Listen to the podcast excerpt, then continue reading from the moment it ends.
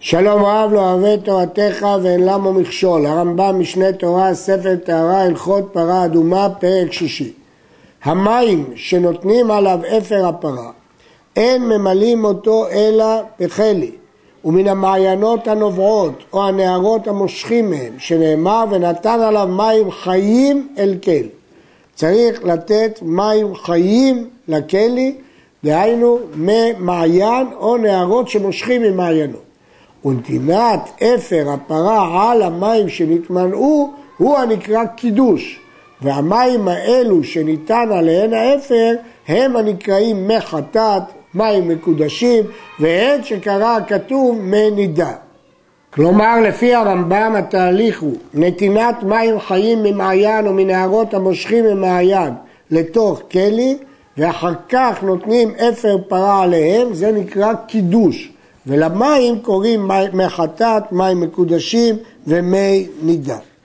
הכל כשרים למלות את המים, חוץ מחירש, שוטה וקטן. והכל כשרים לקדש, חוץ מחירש, שוטה וקטן. ואין ממלאין ואין מקדשים אלא בכלי, ואין מזין אלא מכלי. והמילוי והקידוש כשרים בלילה. אבל אין מזין ואין מטבילין אלא ביום. הוא יכול בלילה למלא את הכלי במים, הוא יכול להניח עליו את האפר, זאת אומרת זה הקידוש, אבל ההזעה עצמה היא צריכה להיות ביום. וכל היום כשר להזיה ולטבילה. טבילה הכוונה פה הטבלת האזוב. הטבלת האזוב היא הטבילה במים. ברור שזאת כוונת הרמב"ם. הרעב"ד הייתה לו גרסה אחרת שהוא חשב שזה טובלים על האדם ולכן הוא מגיע. אבל ברור שכוונת הרמב"ם היא על טבילת האזור.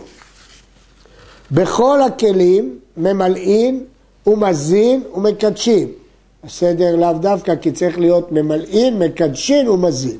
אפילו בכלי גללים וכלי אבנים וכלי אדמה, שכל הדברים האלה אינם כלים לעניין טומאה, לעניין מינוי הם כלים. ובספינה, ואחד כלי חרס, ואחד כל הכלים, הם ממלאים בהם, הם נחשבים כלים. אבל אין ממלאים, ולא מקדשים, ולא מזים בדופנות הכלים, ולא בשולי המחט. שולי המחט זה כלי גדול של חרס שיש לו שוליים כהן ידית, השיפולים, הקצוות. ולא במגופת החבית, כיסוי החבית, כי כל אלה הם לא כלים. ולא בחופניו, ולא בביצת התרנגולת, ולא בשוקת שבסלע, כל אלה אינם כלים. אבל ביצת היוצרים כשרה, מפני שהיא כלי אדמה. הרמב"ם מפרש בפירוש המשנה מה זה ביצת היוצרים. דרך הקדר, לחתוך מן הטיט כדורים, ומייבשם ומצניעם, וכל זמן שיצטרך לעשות, לוקח אחד מאותם כדורים הנקראים ביצים ושורה אותם ועושה מהם מה שירצה. אז הכדורים האלה הם כמו כלי אדמה, לפי שיש להם בית קיבול, לפיכך ממלאים בהם ומקדשים בהם. שולי כלי עץ וכלי זכוכית וכלי עצם אין מקדשים בהם עד שישוף אותם ויתקן אותם ויעשה אותם כלים בפני עצמם. אם הוא הפך את השוליים האלה לכלים בפני עצמם, הם הפכו להיות כלים. וכן מגופה שהתקינה להיות כלי, מקדשים בה, כי עכשיו זה כלי עצמאי. ובצת הנעמית כשרה לקדש בה. ואין צריך לומר שהיא כשרה למלות בה ולעזות ממנה. בצת היענה, אם חפה אותה ועשה ממנה כלי, למרות שיצירתה מהטבע וביצת התרנגולת ראינו שהיא לא כלי, ביצת הנעמית היא קשה יותר, ולכן היא נחשבת לכלי. כלי שחיברו בארץ או בסלע, אפילו חיברו בסיד, מקדשים בו ומזים ממנו, כי סוף סוף יש לו שם כלי למרות שהוא מחובר. עשה עטרה של טיט סביב לכלי, והמים שבכלי צפים עד שהלכו לעטרה. אז עכשיו השאלה אם ההיקף הזה שנוסף על גובה הכלי הוא חלק מהכלי, או שהוא איננו חלק מהכלי. אומר הרמב"ם, אם ניטלת העטרה עם הכלי, הרי המים שבתוכה כשרים, שהרי הם בכלי אדמה, ואם לאו, הרי הם כמי שהקיף עטרה של טיט בסלע או לארץ, וממילא אותם מים שהם פסולים מפני שאינם בכלי. אם העטרה הזאת ניטלת עם הכלי, אז זה חיבור לכלי, אז היא חלק מהכלי, כלי אדמה. כלי אדמה אפשר לעזות ולקדש הכל. אבל אם היא תוספת כזאת, שהיא לא ניטלת עם הכלי, אז אין לה שם כלי, ולכן המים שבה פסולים.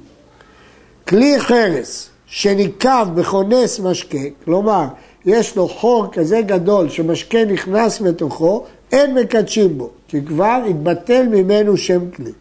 אבל אם ניקב במוציא משקה, זה רק סדק שיוצא ממנו משקה, אבל לא נכנס משקה, מקדשים בו, כי עוד לא בטל ממנו שם כלי.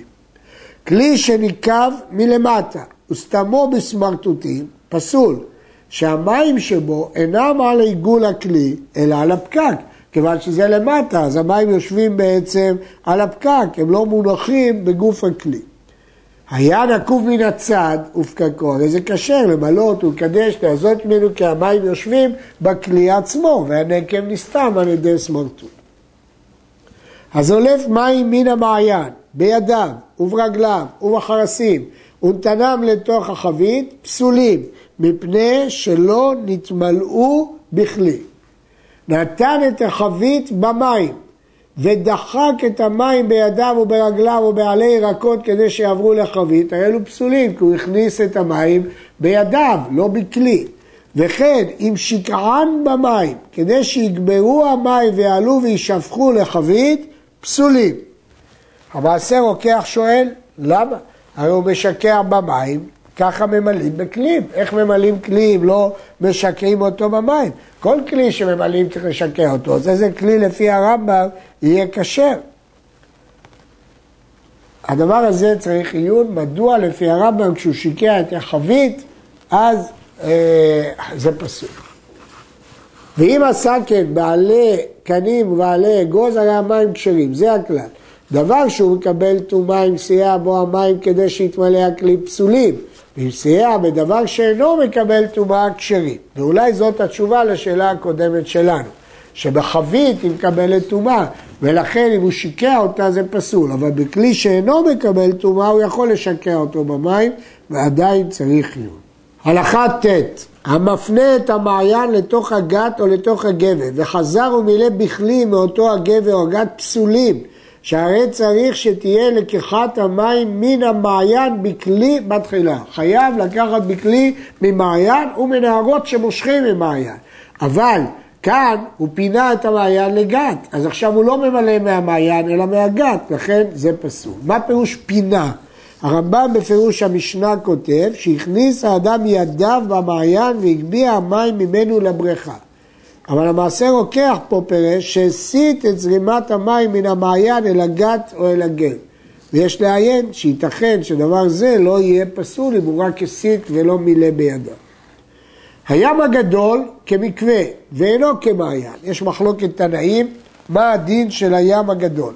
הרמב"ם פוסל את הים הגדול, הוא אומר שדינו כמקווה ואינו כמעיין. לפיכך אין ממלאים ממנו לקידוש. הכסף משנה מדייק שהרמב"ם פסל דווקא את הים הגדול, ועל כך הוא מקשה שבהלכות מקוואות הוא פסק כל הימים פסולים לקדש מהם מי חטאת. אז לא רק הים הגדול, אלא כל הימים, ולכן הדבר קשה. וכל הנערות פסולים לקדש מהם מי חטאת, מכיוון שהוא לא זה לא נערות שמושכים עם היד, זה סתם נערות, הם פסולים לקדש מהם מחטאת. ושאר הימים כמעיין. הרמב"ם פה פוסק שים שהוא לא ים הגדול, ושאר הימים דינו כמעיין. אבל הנערות הם פסולים. הראב"ד משיג על הרמב"ם שהוא פסק כתוספתא שפוסלת בשאר הנערות. אבל המשנה הכשירה את שאר הנערות. ואם כן, מדוע הרמב"ם פסק כתוספתא? ונראה שהרמב"ם מחלק בין שני סוגי נהרות. סתם נהרות פסולים, נהרות שמושכים ממעיינות כשרים. והמים הנגררים משאר הימים, והם הנקראים זוחלים, פסולים. והזוחלים מן המעיין, הרי הם כמעיין וכשרים. מים שזוחלים ממעיין, כשרים. מים שזוחלים מהימים, שהם לא הים הגדול, פסולים. והים הגדול הוא בכל מקרה פסול מפני שהוא כמקווה. מים עמוקים והמכזבים פסולים, ואלה הם עמוקים, המלוכים או הפושרים. והמכזבים הן המעיינות שפעמים מכירים ופעמים חרבים ויבשים, זה נקרא מכזבים. אפילו היו חרבים פעם לשבע שנים פסולים, אבל אם היו חרבים בשני בצורת או לשנים רבות יותר משבע, או שהוא ממיהם פעמים מרובים, פעמים מועטים ואינם חרבים, הרי אלו כשרים. ומעיין שיצא כתחילה כשר, ואינו צריך לבדוק שם החזר, הוא לא צריך לחכות שבע שנים בשביל לראות אולי שנה אחת הוא יהיה חרב, סומכים על זה שבדרך כלל המעיינות לא מכזבים. מי ביצים ומי הירדן ומי הירמוך פסולים, מפני שהם מי תערובת, ואלו הם מי תערובת, מים הכשרים לקידוש, שנתערבו במים פסולים. לכן הם פסולים. אין ממלאים מתערובת שניהם. אבל מים כשרים כגון מימי שתי מעיינות שנתערבו, נמשכו ממלאים מהם. אין איסור אם זה יתערב משני מעיינות כשרים, אבל מכשר ומפסול זה פסול. מה זה מי ביצים? רבנו שמשון על המשנה מפרש מים של ביצות, שמעורב בהם עפר וטיט, ולכן הם לא מים חיים. המים שנשתנו שינוים מחמת עצמן, כשרים.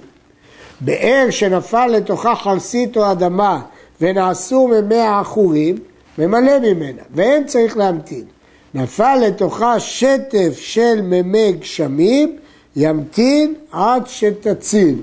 מדוע? כי הם יותר מעורבים מאשר כשהחרסית מעורבת בתוכה. אמת המים הבאה מרחוק, הואיל ותחילתה מן המעיין, כשרה למלות בה, ובלבד שישמרנה שלא יפסיקנה אדם ונמצא ממלא מן המים שפסקו תחילתה מן המעיין, שהם פסולים. אם היה הפסק ואחר כך התחדש, זה פסול. רק אם לא היה הפסק בין המעיין לבין המקום שנטלת את המים.